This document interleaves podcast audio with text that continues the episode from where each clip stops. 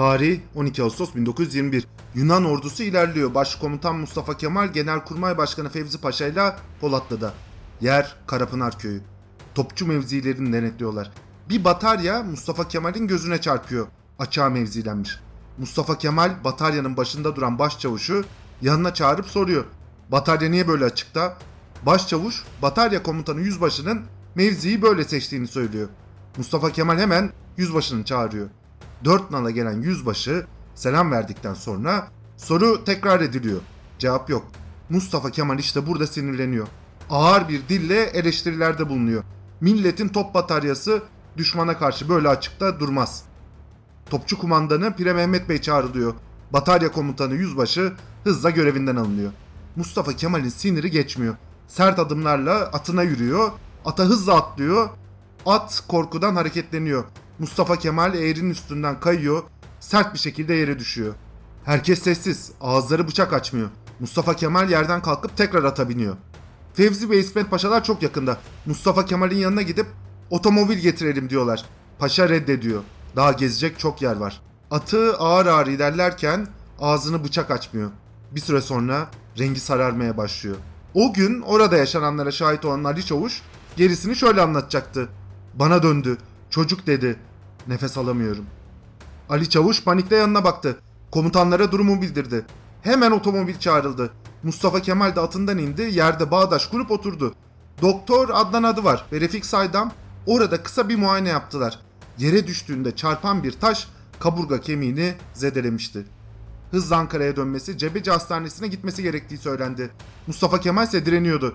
Ben buradan ayrılmam. Eğer bu savunma hattında tutunamazsak Kızılırmak'a kadar geri çekilmemiz gerekir diyordu. Yanında Fevzi Paşa vardı. Paşam dedi. Merak etmeyin. Ben bir karış toprak vermem. Siz gidin tedavinizi olun. Rengi daha da sararıyor. Zor nefes alıyordu.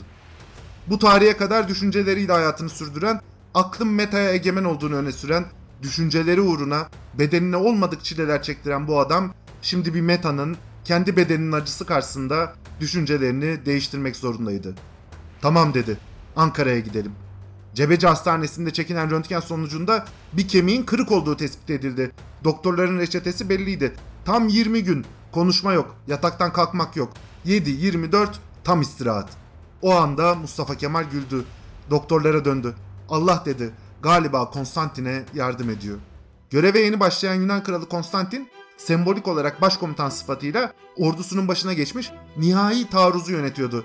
Her şey son safhaya gelmişti. Yunan birlikleri Anadolu bozkırında milli mücadeleyi boğmak, Türkleri Sevr Anlaşması'na uymaya mecbur bırakmak için tüm güçleriyle harekete geçmişti. Yıllardır savaşlar içinde bunalmış Yunan ulusu cepheden nihai haberi bekliyordu. Ulusta meclis tartışmalar içindeydi. Yunan ordusu Ankara'ya 100 kilometre kadar yaklaşmıştı. Milletvekilleri ve aileleri Anadolu'ya taşınıyordu. Kütahya ve Eskişehir muharebeleri milletin moralini bozmuş, İstanbul'da saray yanlısı gazeteciler Yunan ordusunun ilerleyişini ballandıra ballandıra anlatıyor, milli mücadelenin son nefesini vereceğini, isyancıların da yok olacağını söylüyordu. Ateş çemberi daralıyordu. Dünyanın gözü şimdi bu küçücük cephenin üstündeydi. Mustafa Kemal her şeyi kafasında bir gezdirip en sonunda doktorların talebini reddetti. İstirahat zaruri dedi. Lakin öyle bir vakit yok. 16 Kasım akşamı ayağa kalktı. Rauf Bey'i yanına aldı. Attan düşen, kaburgası kırılan Mustafa Kemal, ideanın metaya, düşüncenin bedene, zaruretin acıya egemen olduğunu göstermek ister gibi kapıdan çıkıp gidiyordu. Her adımda zor nefes alırken hayırlı bir işe eşlik edecekti. Sevdiği arkadaşı ve milli mücadelenin önemli ismi Kılıç Ali'nin kardeşi Maraş mebusu Mithat Bey ile nikah kıyacaktı. Adeta bu nikahta çevresindeki herkese hiçbir mazeret kabul etmeyen bir iradenin nasıl ayağa kalktığını gösteriyordu. Şimdi artık doktorlar, meclisteki muhalifler, şüphesi olanlar herkes susabilirdi. Mustafa Kemal'in kırık kaburgası nasıl kendisinin nefesini kesiyorsa isyanlar, işgal ve saldırıda Anadolu'nun nefesini işte öyle kesiyordu. İrade nihai hükme galip gelecekti. Ertesi gün cephe baş komutanlık görevinin başına döndü.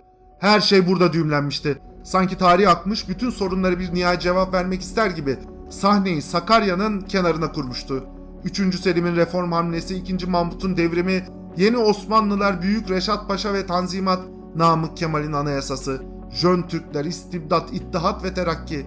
memleketi içinde bulunduğu çukurdan kurtarmak için hayatlarını harcayanlar, memleketi daha büyük çukurlara gömenler, akıl mantık diyenler, hayallerle ülkeyi bir savaştan diğerine sokanlar, medeniyeti işaret edenler, medeniyete canavar deyip arkasını dönenler, dünyayı görenler, dünyadan kaçanlar, 200 yıllık koca bir tahterevalli şimdi burada son perdeyi oynuyordu. Yunan ordusunda evinden barkından uzak diyarlara gelmiş garip çocuklar bir fantazi uğruna Anadolu bozkırına dökülen binler yanlış hesapla milletlerin kaderine hükmeden ve felaketlere neden olan siyasetçiler ve en çok da onların kibri, hayatta adalet varsa, akıl varsa, mantık varsa, hesap varsa, haksız bir savaş uğruna yanlış hesap yapanların hesabı da, haklı bir dava uğruna ayağa kalkanların hesabı da bir cetvelde toplanmış işte orada duruyordu. İkinci Viyana kuşatmasından sonra başlayan büyük geri çekilme en sonunda garip ve fakir Polatlı'nın sırtlarına dayanmıştı. Olmak ya da olmamak. Nihai savaş. Mustafa Kemal cephede. Kaburga kemikleri kırık. Nefes alamıyor. Geceleri ter içinde uyanıyor. Aklında son muharebe var. Ve bu muharebeye bir isim arıyordu. Kitaplarda dolaştı, eski hikayelere baktı, tarihe göz gezdirdi. En sonunda aradığı ismi buldu. Melhame-i Kübra. Anadolu'nun, medeniyetin başak verdiği toprakların kıyameti. Armageddon. Bu bölümde nefes bile alamayan bir başkomutanın, işgali kabul etmeyen insanların, zorla yerinden yurdundan edilmiş, askere alınmış, evinden barkından uzak diyarlara gitmiş çocukların, onların kanıyla kurulan hesapların, biz yapamayız diyenlerin, biz yaparız diyenlerin, Atina'da zafer, İstanbul'daysa isyancıların ezildiği haberini umutla bekleyenlerin, Ankara'da bir zafer haberinden hem korkan hem de bunu umut edenlerin, Moskova'da Paris'te karar vermek için gözünü muharebe meydanına dikenlerin hikayesine şahit olacağız. 42 dakikanın bu bölümünde 1921 yılına gideceğiz. Bu dönem yaşanan olayları, dünyadaki gelişmeleri, belki de tarihimizin en önemli savaşını değerlendirecek, medeni dünyanın çağdaş bir parçası olmak isteyenlerle bununla mücadele edenlerin kavgasına bir kez daha şahit olacak. Bugün hala bizleri etkileyen o günleri birlikte anlamaya çalışacağız. Hepiniz hoş geldiniz.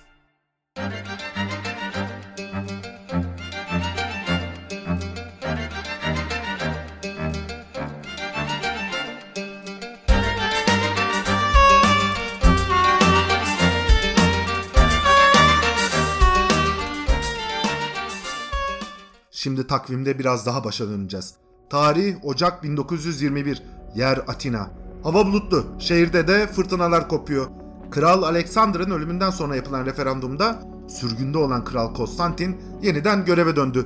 Müttefik kuvvetler bu olay üstüne şu açıklamada bulundular. İngiliz, Fransız ve İtalyan hükümetlerinin Yunanistan'ın iç işlerine karışma niyeti asla yoktur. Bununla birlikte büyük savaşta itilaf devletlerine karşı sadakatsiz tutumlarda bulunan kralın tahtına geri dönmesi büyük üzüntü ve utanç yaratmış, Yunanistan'ın hasmane tutumunun da vesikası olmuştur.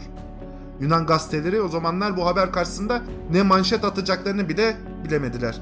Konstantin ülkeye dönerken yapılan seçimlerde itilaf devletlerinin desteklediği Megali İdea savunucusu Venizelos hükümeti ağır bir yenilgi aldı. Halk 4 yıldır süren ve sonu belirsiz savaştan bıkmış durumdaydı. Yeni kurulan hükümet hızla Venizelos'a bağlı devlet memurlarını Konstantin yanlısı devlet memurlarıyla değiştirmeye başladı. Yunan komuta heyeti de bundan etkilendi. Sembolik olarak komutayı Konstantin alırken savaşın idaresi görevi de Anastasios Papulas'a verildi. 1917 yılında Yunanistan'da başlayan milli ayrışma döneminde Kral Konstantin yanlısı bir tutuma sahip olduğu için görevden alınmıştı. Şimdi yeni bir onurla görevinin başına dönüyordu. Komutayı eline aldığında Konstantin ve Populas'ın karşısında çok ağır bir tablo vardı. Yunanistan savaşın ekonomik maliyetiyle adeta sarsılıyordu. Doktor Yannis Salavrakos'un yaptığı çalışma tabloyu ortaya koyuyor. 1919 yılında ordu için yapılan 201 milyon drahmi harcama 1920'de 229 milyona, 1921'de 291 milyona ulaştı. Yaklaşık %30 arttı. 1919'da güvenlik harcamaları bütçenin %50'sini yutarken 2 yıl sonra bu oran %55'e çıkmıştı. 1919'da 1920 arasında Venizelos hükümeti toplam 430 milyon drahmiyi orduya gönderdi. Henüz İzmir'in işgalinin ilk günlerinde bile ordu ağır finansal sorunlarla boğuşuyordu. 1919 yılında Yunan Genelkurmayı ordu açısından sorunlu bir durumun olduğunu ifade ediyor, finansal sıkıntılardan yakınıyordu. Bazı birlikler asker ve subayların Aralık ayı ve Ocak ayı maaşlarını bile ödeyememişti. Tren yolu şirketleri ordu ödeme yapmadığı için taşımacılık hizmeti sunmayı reddediyordu. Sevr Anlaşması'nın imzalandığı günlerde de ekonomik durum farklı değildi. Büyük Savaş'ın sonunda Venizelos 1918 yılında İngiltere, Fransa ve Amerika ile toplam 750 milyonluk bir kredi anlaşmasına imza attı. 1919 yılında bu sefer İngiltere ve Fransa ile 100 milyon drahmilik ekstra bir anlaşma yapıldı. Yani teoride 850 milyon drahmilik bir finansal kaynak vardı. Halbuki 1920 yılı sonunda Konstantin yanlısı hükümeti iş başına geldiğinde itiraf kuvvetleri finansal yardımları kısmaya başladı. İngiltere 12 milyon poundluk kredinin yalnız 6,5 milyon poundunu gönderdi. Amerika 48 milyon dolar yerine 15 milyon dolar veriyordu. Fransa kendisinden beklenen bir şekilde hiç para vermedi. Venizelos hükümeti tahvil çıkartıp vatandaştan borç almaya da çalışmıştı. 700 milyon drahmi kadar yeni para piyasaya sürüldü. Ama bu durum enflasyon baskısı yarattı. 1919 başında 323 olan enflasyon endeksi 353'e çıktı. Yunan parası hızla değer kaybediyordu. 1920 yılında 1 pound 35 drahmi ederken 1921 yılında artık 1 pound 49 drahmiydi. 1920 ile 21 arasında Yunanistan için Anadolu'daki ordunun günlük faturası korkunç bir rakama ulaşmış, günlük 3 milyon drahmiyi aşmıştı. Evet askerler savaşır ama askerlerin savaşması finansal, lojistik birçok imkana bağlıdır. Yunanistan tükeniyordu ve itiraf kuvvetlerinden beklenen destek gelmeyecekti. Yeni hükümet bu manzara karşısında hızla bir çözüm arayışına girdi. İsyancı Türkleri barışa zorlamak için topyekün saldırı. İşin bu noktaları bizim tarihimizde pek anlatılmaz. Anlatılmaz çünkü biz savaşların imanla bir takım açıklanamaz, ölçülemez, ne üdüğü belirsiz kavramlarla kazanılacağına inandırıldık. Halbuki bir topçu bataryasına saldıran, karnı aç, tüfeksiz, mermisiz piyadeler sadece ölüdür. Onlar koşabilir, bu hareketler üstüne destan da düzülebilir ama onlar esasında karar vericilerin sahaya sürdüğü hayatlardır. Karar vericiler kitlelerin bilinçsiz olmasından yarar sağlayabileceklerini düşünebilirler. Fakat böyle düşünen yöneticiler milletleri ölüm çukurlarına gönderir, toplumun başına da büyük belalar örerler.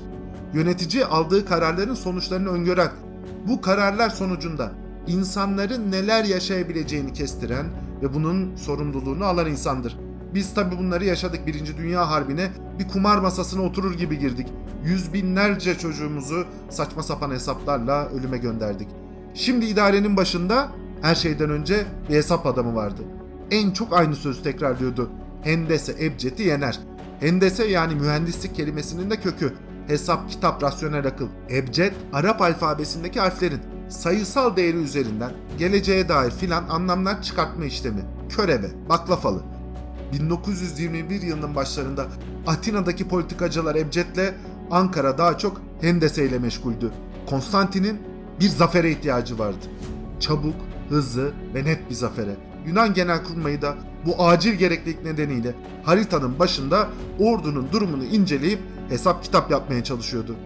Kendinizi şimdi onların yerine koyun. Ordu boyu Anadolu bozkırı içerisine doğru uzuyor. Anadolu adeta bir çöl. Lojistik hatlar sınırlı. Atina'dan gelecek her türlü malzeme, gıda, mühimmat, mermi, tüfek işte ne varsa hepsinin taşınması çok büyük bir sorun. Yunan ordusunun kamyonları, araçları Anadolu bozkırına saplanıyor. Lojistik belasını çözüp Ankara üstüne yürümek için demiryolu hatlarını ele geçirmek lazım. Zaten Anadolu'da pek fazla demiryolu hattı da yok. Hedef İnönü oldu. Bu bölgedeki demiryolu hatları ele geçirilecek, daha içeriye yönelecek bir operasyon da böylece mümkün hale gelecekti. Ocak ayında operasyona başladılar. Aynı günlerde Ankara'nın gündeminde hala asi Çerkez Ethem vardı. Çerkez Ethem İstanbul hükümetine Umum Kuvvayi Seyyare Komutanı ve Kütahya Komutanı Ethem imzasıyla şu telgrafı gönderdi. Ankara'da tutuklanan saygıdeğer arkadaşlarınızın Ahmet İzzet Paşa o sıra Ankara'da tutuklu bulunuyordu. İstanbul'a geri gönderilmeleri için Ankara Meclis Başkanlığı'na çektiğim protesto telgrafı aşağıda sunulmuştur. Şimdiki halde Millet Meclisi'nin kararıyla saldırıya uğramış bulunuyorum. Kuvvetim savunmaya, hatta saldırmaya bile yetmekle beraber karşımda ve yanlarımda Yunanlılarla temasta bulunduğumdan ve hareket şekli hakkında Yunan komutanlığıyla anlaşmaya varılmış ise de sizin onayınızın alınmasını da her bakımdan gerekli gördüm. Gereğinin yapılması ve haberleşmelerin ve emirlerinizin ulaşmasının sağlanması için Gediz telgraf hattının onarılması ve düzeltilmesi yüksek emirlerinize sunulur. Bursa Telgrafhanesi'nde çalışan bir memur telgrafı Mustafa Kemal Paşa'ya iletince Mustafa Kemal Kuvvayi Seyyare birliklerinin yani Çerkezeten birliklerinin tamamen dağıtılması emrini verdi. Yıllar sonra bu durumu şöyle anlatacaktı. Baylar, Türkiye Büyük Millet Meclisi'nin bilinçli ordusu kendisini, Büyük Millet Meclisi'ni ve hükümetini küçümseyecek kertede beyinsizlik gösteren ve bu dalaca kendini beğenen bu ayaklanıcılara hak ettikleri uslandırma şamarını vurmak için önüne geçilmez bir öfke ve sertlikle eyleme geçiyordu. O sırada soluk almaksızın kaçan Ethem İstanbul'da yüce sadrazamlığa diye işte bu telgrafı çekecekti. Mustafa Kemal'in dilinde pek benzerine rastlanmayan ve yıllar sonra bile süren bu öfkenin sebebi tabi çok açık. Ortada ordu namına bir şey yok. Birkaç bin asker ordu yeni kurulmaya çalışılıyor. Yıllarca savaşmış millet ordudan fellik fellik kaçıyor. Etraf firarilerle dolu. Yunan ordusu toparlanıp bir harekata hazırlanıyor. Bu harekatın durdurulması lazım. Yani zorluk ortada. Böyle bir anda Çerkez Ethem'in saf değiştirmesi ve isyan başlatması büyük bir sorun oluyor. İsmet Paşa emir üstüne elinde bulunan birliklerle Kütahya'ya girdiğinde Ethem buradan kaçmıştı. Bu sefer İsmet Paşa komutasındaki birlikler Gediz'e yöneldi. Ama Ethem burada da değildi. İşte tam bu anda İsmet Paşa Yunan ordusunun saldırıya geçtiği haberini aldı. Hatıratına şöyle yazacaktı. 6 Ocak'ta Yunan ordusunun Bursa cephesinden ileri harekete geçtiğini haber aldığımda ben Gediz'de bulunuyordum. 6 Ocak akşamı kararımı verdikten sonra 7 Ocak sabahı Gediz'de bulunan Garp cephesi kuvvetlerinin büyük kısmını geriye, İnönü'ne hareket ettirdim. Ethem'in karşısında en kuvvetli kumandanımı İzzettin Çalışlar Bey'i bıraktım. İzzettin Bey tümeninin bir kısmı ile Kütahya merkeze çekilecek ve Ethem'in muhtemel taarruzuna karşı İnönü mevzilerinin arkasını emniyete alacaktı. Kütahya'nın kayalık bir cephesi vardır. O kayalıkta müdafaa edeceksin dedim. Ben Gediz'den İnönü'ne yetişmek üzere ayrıldıktan sonra henüz yoldayken Ethem Gediz'e taarruza geçti. İzzettin Çalışlar emrinde bıraktığım az bir kuvvetle Gediz'de Ethem'le muharebeye tutuştu. Biz o sırada Yunan taarruzu altındayız. Ankara'dan peyderpey kuvvetler geliyor. Nerede bir kıta bulurlarsa İnönü'ye yetiştirmeye çalışıyorlardı. Ordu ikiye bölünmüş durumdaydı. İsmet İnönü'nün komutasındaki toplam birlik sadece 8 bin kişi. Buranın altını çizmek lazım. 8 bin kişi. İşte milli mücadele yükünü üstlenen bu kadarcık insan vardı. Çerkez Ethem Yunan birlikleriyle eşgüdüm halinde saldırırken 18 bin kişilik Yunan kuvveti de İnönü hattında ilerlemeye başladı. İşte bu zor durumda önemli bir savunma savaşı verildi. 10 Ocak tarihinde Yunan birliklerinin ilerleyişi durduruldu. 11 Ocak'ta Trikopis hedefe ulaşıldı ve hattın çok ilerlediği kanaatiyle geri çekilme emri verdi. İnönü'ye Ankara'dan yeni askeri birliklerin geleceği haberini almış, taktik bir açmaz içerisine düşmekten korkmuştu. İsmet İnönü hamleyi gördü. Yunan ordusunun sağ kanalından taarruz emri verdi. Yunan ordusu geniş bir sahada yapılan taarruzu durduracak ihtiyat kuvvetine sahip değildi. Trikopis tam olarak çekilme emri verdi. Çerkez eten birlikleri de yenilmiş, kaçıyordu. Yunan ordusu gerilerken hem Çerkez eten birlikleriyle süren mücadele hem de lojistik ve kaynak yetersizliği nedeniyle tam bir çevreleme harekatı yapılamadı. Ama herkes mutluydu. Ankara'da Mustafa Kemal haberi aldığında sevinç içindeydi. Bu muharebeyle pek çok şey kurtarılmıştır dedi. Sonra düzeltti. Hayır, her şey kurtarılmıştır. Haklıydı. O dönem Mustafa Kemal bir yandan Sovyetlerle görüşüyor, diğer yandan Türkiye Büyük Millet Meclisi'ni tutmaya çalışıyordu. Çerkez etem ayaklanması çetelerle ve gerilla yöntemiyle bir yere varılamayacağını bir kez daha göstermişti. İnönü Savaşı büyük bir siyasi kapitale dönüştü. Mustafa Kemal mutlak olarak haklı çıkmıştı. Şimdi Sovyetlerle yapılan görüşmeler devam edebilirdi. Ülkede ciddi cephane, tüfek, asker sorunu vardı. Ordunun kuruluş aşaması devam ediyordu. İnönü Muharebesi bir anda Ankara'ya nefes alma fırsatı verdi. O dönem İngilizlerin desteklediği beyaz Rus kuvvetleriyle mücadele eden Sovyetler de İngilizlerin desteklediği Yunanistan'a karşı Ankara'yı desteklemeyi düşünüyordu. Öyle ki İngilizlerin beyaz Ruslara gönderdiği ve Bolşevikler tarafından ele geçirilen silahların Ankara'ya gönderilmesi planlanıyordu. Talihin garip bir cilvesi. Türk ordusu daha sonra Beyaz Ruslar için gönderilen İngiliz tüfekleriyle İngiliz ordusunun da karşısına dikilecekti. 20 Ocak'ta Teşkilata Esasiye yani anayasa kabul edildi. Artık Anadolu'da yeni bir devlet vardı. İnönü Savaşı'nın olumlu bir etkisi daha oldu. 27 Ocak'ta Sadrazam Tevfik Paşa Mustafa Kemal'i bir telgraf çekti. Paris Konseyi'nin Londra'da düzenlenecek konferansa İstanbul hükümetiyle birlikte Ankara hükümetinin de katılması yolunda teklifini iletti. Paşa ilk etapta teşkilata esasiyeyi göndererek İstanbul hükümetini tanımadığını belirtti. Devam eden yazışmalar sonunda Ankara hükümeti konferansa katılmayı kabul etti. 27 Şubat'ta başlayan konferansın en dramatik sahnesi hemen konferansın başında yaşandı. Sadrazam Tevfik Paşa söz alıp ayağa kalktı ve şöyle dedi.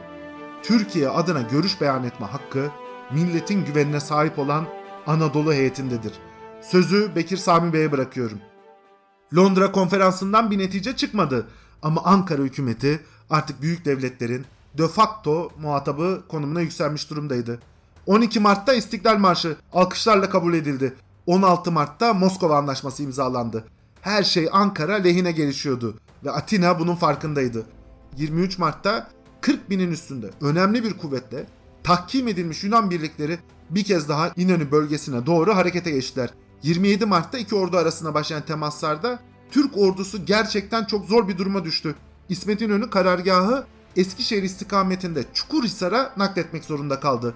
Yunan ordusunun amacı Türk ordusunun sağ kanadından ağır bir saldırıda bulunup Eskişehir yolunu tamamen açmak ve lojistik hattı kendi egemenliğini alarak orduyu açmaza sürüklemekti. Ankara'da meclisi muhafız taburu bile cepheye sevk edildi. Neticede 31 Mart tarihinde Yunan ordusu durduruldu. İsmet İnönü bir kez daha önemli bir karar alıp cephe boyunda genel taarruz emri verdi. Yunan kuvvetleri geri çekilmeye başladılar. 1 Nisan sabahında Ankara'ya İsmet Paşa'nın telgrafı ulaştı. Düşman binlerce ölüleriyle doldurduğu muharebe meydanını muzaffer silahlarımıza terk etmiştir. Cevap Mustafa Kemal'den geldi. Siz orada yalnız düşmanı değil, milletin makus talihini dayandınız. Zafer elbette güzel, sonuçları da öyle. İtalya artık bu sahnede yer almaktan vazgeçmişti. İtiraf devletleri zaten sözlerini tutmuyor, Yunan ordusu ilerliyor, İtalyanlar da geride durumu izliyordu. Roma'da kimsenin Ankara ile savaşma niyeti falan yoktu. Zaten ülke sosyal olaylarla kazan gibi kaynıyor. Komünistler, Mussolini'nin faşistleri, yetersiz bir merkezi yönetim ülkeyi hareketsiz bırakıyordu. Anadolu'dan çekilme kararı aldılar. Fransa'nın ise derdi başkaydı. Güney cephesinde çok fazla kayıp veriyor, ayaklanmalarla uğraşamıyordu. Antep isyanı bir türlü bitmiyordu. Daha güneyde Suriye'de Arap isyanları devam ediyordu. Fransa'nın gözü petrol gibi enerji kaynaklarına da sahip Doğu Akdeniz bölgesindeki bu stratejik bölgedeydi. Ankara ile görüşmeye başladılar. Yunanistan içinse manzara farklıydı. Yunan ordusunun yeniden tahkim edilmesi gerekiyordu. Bu yapıldı. Yeni askerler cepheye sürüldü. Genel bir seferberlik hali ilan edildi. 10 Temmuz'da Yunan ordusu bu sefer çok güçlü bir şekilde saldırıya başladı. Türk ordusu hala hazırlık devresindeydi. Bütün cepheyi kaplayacak olanak yoktu. İki ayrı cepheden başlayan taarruz sonucunda Afyon, Kütahya ve Eskişehir Yunanlıların eline geçti. Yunan ordusu girdiği bölgelerde ağır bir tahribat yaratıyordu. Yunan askerlerinin arkasından gelen Mavrimira çeteleri Türkleri katletmekteydi. Yunan askerleri de aynı bir çete gibi davranıyordu. Garip bir katliam psikolojisi hakimdi. Örneğin İznik Başpiskoposu 15 Temmuz'da şu açıklamayı yaptı. Yunan ordusu egemen olduğu bölgelerde çok nazik. Ben bir asker değilim. Ama kilisenin bir mensubu olarak Türklerin tamamen yok edilmesini, geriye tek bir canlı Türk'ün bile kalmamasını umut ediyorum. İtiraf kuvvetleri tarafından hazırlanan bir askeri raporda durum şöyle ortaya kondu. Türk köylerinin ve Müslüman halkın yok edilmesi için uygulanan sistematik bir plan var. Yunan ve Ermeni çeteleri tarafından icra edilen bu plan Yunan hakimiyetindeki bölgelerde kimi zaman Yunan askerlerinin katılımıyla uygulanıyor. 27 Temmuz'da Kütahya'da Yunan Kralı Konstantin başkanlığında toplanan Harp Meclisi Türk ordusunun tükendiği kanaatindeydi. 15 günlük bir toparlanma sonucunda Ağustos ayında ordu Ankara'ya yürüyecekti. İsmet İnönü'nün morali bozuktu. 600 kilometrelik bir cephede ordu dağılmış durumdaydı. Ankara'da panik havası vardı. Yakup Kadri o günlerde İsmet İnönü'nün kendisine şöyle dediğini yazacaktı. Her şey bitti Yakup Kadri. Hayale yer yok. Gerçek bu. Bu gerçeği kabul etmeyen biri vardı. Mustafa Kemal aynı fikirde değildi. Fevzi Paşa ile yaptığı değerlendirme sonucunda İsmet İnönü'ye yeni bir emir verdi. Birincisi ordu ile düşman ordusu arasına geniş bir mesafe koymak için ordunun geri çekilmesi gerekiyordu. Sakarya doğusuna kadar çekilme talimatı verildi. Mustafa Kemal mantığı da anlatıyordu. Düşman ordusu bizi takip ederse harekat merkezinden uzaklaşacak, lojistik hatları uzayacak, dolayısıyla ordu savaşa elverişsiz bir hale gelecekti. Eğer Yunan ordusu takip yapmaz Ankara'ya yönelirse bu halde bizim ordumuz arkalarını kesecek, Anadolu boşluğunda onları yok edecekti. Dolayısıyla Yunanlılara tek bir tercih imkanı kalmıştı. Beklemek, toparlanmak ve son derece elverişsiz bir arazide nehir geçerek düşmanla savaşmak.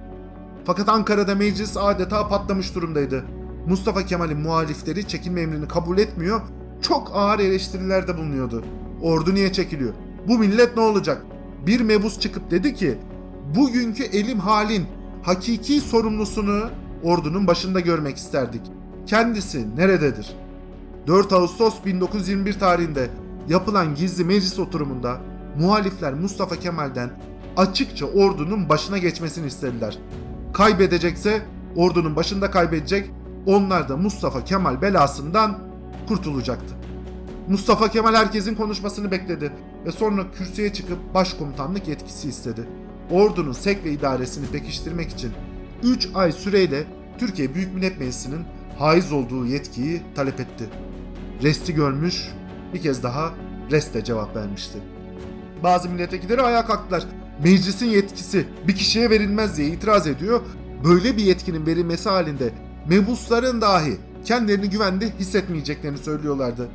Mustafa Kemal diretti. Kendisi milli iradeye bağlıydı. Amacı diktatör olmak değildi. Yetki süresi sadece 3 ay olacaktı. Ortadaki zaruret mebusların da işaret ettiği gibi ordunun başına bizzat geçmesini ve bu yetkinin verilmesini zorunlu kılıyordu.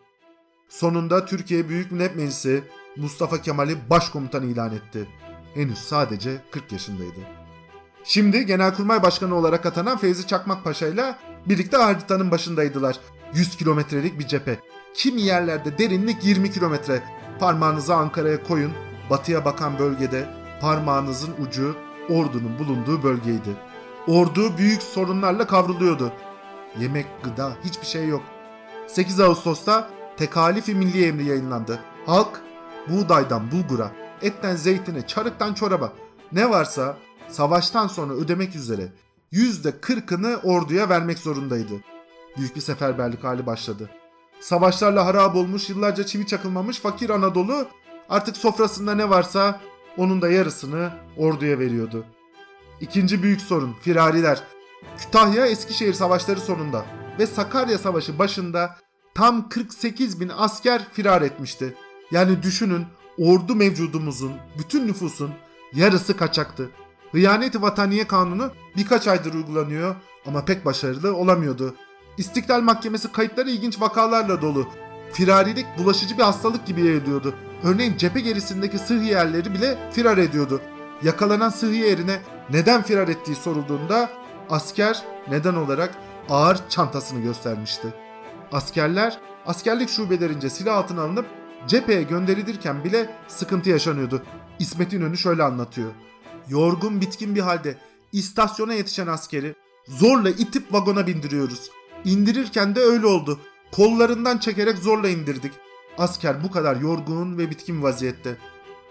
Sorun büyük olmakla birlikte çözüm kolay değildi. Bir noktada Mustafa Kemal firar eden asker sayısıyla orduya yeni katılan asker sayısı arasındaki fark üzerinden hesap yapıp yeterli mevcuda ulaşıp ulaşmadığını görmeye çalışacaktı. Üçüncü nokta mühimmat ve teçhizat. Asker kaçınca yanında elbisesini silahını da götürüyor. Firari askerler sadece insan kaynağını değil, askeri imkanları teçhizatta yok ediyordu. Bu dönem özellikle Rusya'dan gelen silahlar bir noktada nefes aldırdı. Aynı dönemde İstanbul, Fenerbahçe, İnebolu hattında kaçırılan silahlar da Anadolu açısından önemli bir kaynak oldular. Strateji ise yeniydi. Birinci hat nehir gerisine çekilmişti ama nehir doğal bir engel. Düşman askerinin nehri geçtiğinin görülmesi askerde moral bozukluğu yaratabilirdi. Dolayısıyla açık bir arazi bırakıldı. Ordu bu arazide her yerde savaşacaktı. İkinci önemli değişiklik Fevzi Paşa ile birlikte kurulan yeni model oldu. Statik savunmadan vazgeçilmiş, dinamik, bulunduğu noktayı mevzi kabul eden bir savunma stratejisi çizilmişti. Satıh müdafası uygulanacaktı. Ankara hazırlanıp Yunan ordusunun hamlesini bekliyordu. Yunan karargahında ise kararsızlık vardı. Anadolu çölünde lojistik hatları uzuyordu. Kamyonlar çalışmıyor, ordunun tahkimatı güçleşiyordu. Eğer bir saldırı yapılacaksa, yağmurlu Eylül ayındansa kuru Ağustos tabi tercihe şayandı. Arnold Toynbee bu kararı duyduğunda inanamayacaktı. Bütün rasyonel hedefler ortadan kalktığı için bu gerçekten çılgınca bir girişim. Türk ordusunu yok etmek. Üç kere denediniz ve başaramadınız. Geçici başkentin işgali. İstanbul'un işgaliyle morali bozulmamış Türkler. Ankara'yı kaybederse sanki ne olacak? Meclis başka bir yere taşınacak ve faaliyetlerine devam edecek. Her şey, her şey işgalcilerin aleyhinde. Savaş bu koşullarda başladı. Başkomutanın kaburgası kırık, gelişmeleri karargahından takip ediyordu. Genelkurmay Başkanı Fevzi Paşa nitelikli subay örneğiyle ordunun idaresinde hakim durumda. 22 Ağustos'ta başlayan Melhame-i Kübra 24 Ağustos'ta 90 kilometrelik bir cephe haline aldı. Mangal Dağı ve Türbetepe peş peşe Yunan ordusunun eline geçti. O gün Yusuf İzzet Paşa İsmet Paşa'yı telefonla aradı. Mustafa Kemal ile görüşmek istediğini söyledi. Telefonu Mustafa Kemal'e verdiler. Mustafa Kemal beni aramışsınız buyurun dedi. Efendim gizli emirlerinizi bildirmediniz. Yani geri çekilme lazım geldiği vakit istikametimiz ne olacaktır? Mustafa Kemal büyük bir hiddetle şöyle cevap verdi. Paşa, gizli emrim senin kemiklerinin oraya gömülmesidir. Hattı müdafaa yoktur, sattı müdafaa vardır. O satı bütün vatandır emri bu olaydan sonra verildi. Türk ordusu direnişe devam ediyordu. Bu tarihte Mustafa Kemal meclisin gerekirse Kayseri'ye taşınabileceği talimatını da verdi. Meclis geriye bir adım atmadan bulunduğu noktada milli mücadeleye devam etme kararı aldı. 2 Eylül'de Çaldağı Yunan ordusu hakimiyetine geçti. Burası stratejik bir öneme sahipti. Mustafa Kemal daha önce Çaldağı düşerse Ankara düşer demişti. Haber herkesi çok kötü etkiledi. Halde Edip şöyle yazacaktı. Yunan uçakları havada fır dönüyordu.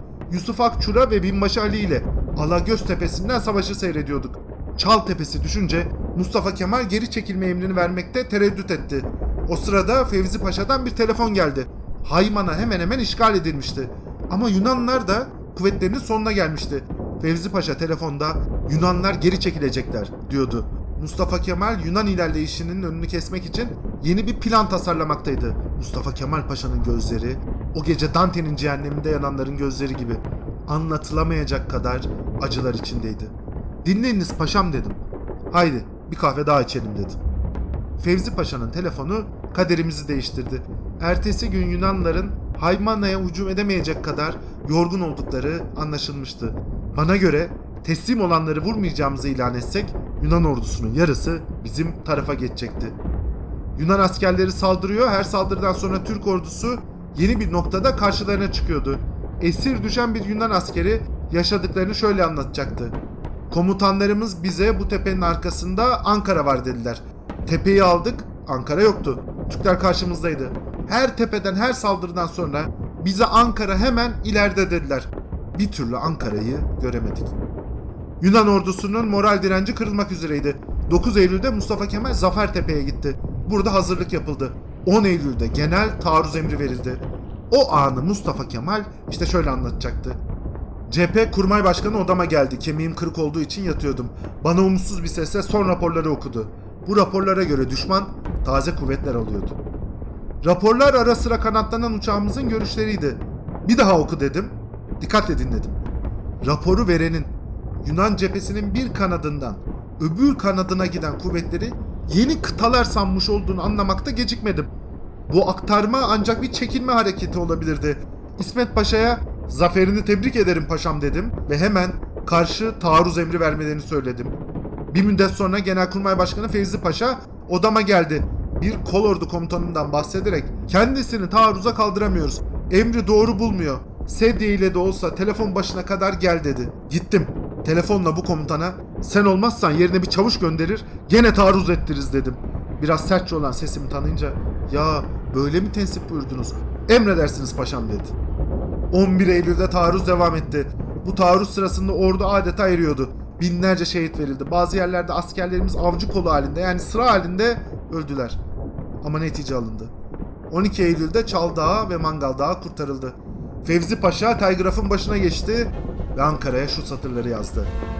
Anadolu'nun Yunan ordusu için bir mezar olacağı hakkındaki kanaatimizin tahakkuk eylemekte olduğunu arz ederim.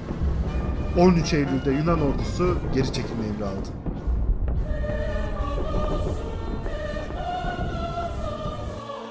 Zafer. Çok özlenen, çok beklenen, çok muhtaç olunan zafer. Her şeye rağmen zafer. Kan ve gözyaşı bedeliyle en sonunda zafer.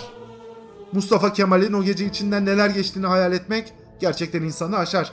Abdülhamit'in zindanlarını görmüş, iddiatçılar tarafından itilmiş, hakir görülmüş, tüm uyarıları kulak arkası edilmiş, bütün başarıları küçük görülmüş, idamı istenen, hain ilan edilen, en sevdiği askerlik mesleğini bile bırakmak zorunda kalan bu adam, milleti ipten çekip aldığı bu anda acaba ne yaşıyordu? Kendisi yakınlarına şöyle diyecekti. Bana Sakarya'da gelen şu düşüncedir. Hiçbir zafer gaye yani amaç değildir.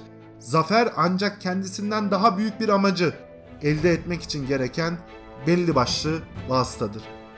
Gaye, amaç, fikirdir. Zaferin bir fikri kazandırdığı kadar değeri vardır. Bir fikri kazandırmaya yaramayan zafer kalamaz. Her büyük meydan savaşından sonra yeni bir dünya doğmalıdır. Yoksa başlı başına zafer boşuna bir çaba olur.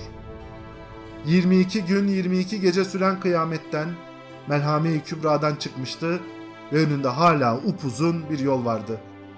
İstanbul ve Ankara'da ise yer yerinden oynadı. Fali Rıfkı Atay şu satırları yazacaktı. Ben şimdi İstanbul'un bir köşesinde bu satırları Sakarya kazanıldığı için yazabiliyorum.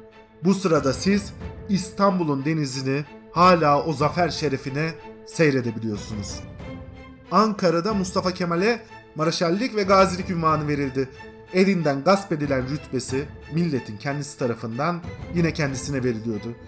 Bir ay sonra Sovyetler Birliği ile Kars Anlaşması imzalandı. Doğu sınırı garanti altına alındı. Bu anlaşmadan sadece bir hafta sonra Fransa ile Ankara Anlaşması yapıldı. Sevre imza atan devletlerden biri apaçık şekilde Sevr'i yırtıp atıyor, hükümet olarak Ankara'yı tanıdığını bütün dünyaya ilan ediyordu. Fransa Hatay hariç güney illerinden çekilmeye başladı. 23 Ekim'de İngiliz hükümette bir adım attı. Esir değişim anlaşması imzalandı. Malta esirleri kurtarıldı. 31 Ekim'de Mustafa Kemal'in başkomutanlık yetkisi 3 ay daha uzatıldı. Hava olumluydu. İşler tersine dönmüştü. Yunanistan müttefiklerini kaybediyor, Türkiye yeni müttefikler kazanıyordu. Yunan askeri cephesinde moraller bozuk, Türk cephesinde ise moraller yükselmekteydi. Şimdi hedef son taarruz, işgal ordusunu Anadolu'dan bütünüyle atmaktı. Ama Ankara'da olumlu hava hızla dönecek, yeniden fırtınalar kopacak ve 1922 hem Yunanistan hem Türkiye için unutulmaz bir yıl olacaktı. 42 dakikanın bir sonraki bölümünde hep birlikte 1922 yılına gideceğiz. Eğer bu bölümü beğendiyseniz paylaşmayı, bir de Instagram'dan 42 dakika hesabına bir mesaj atmayı lütfen unutmayın. Şimdilik hoşçakalın.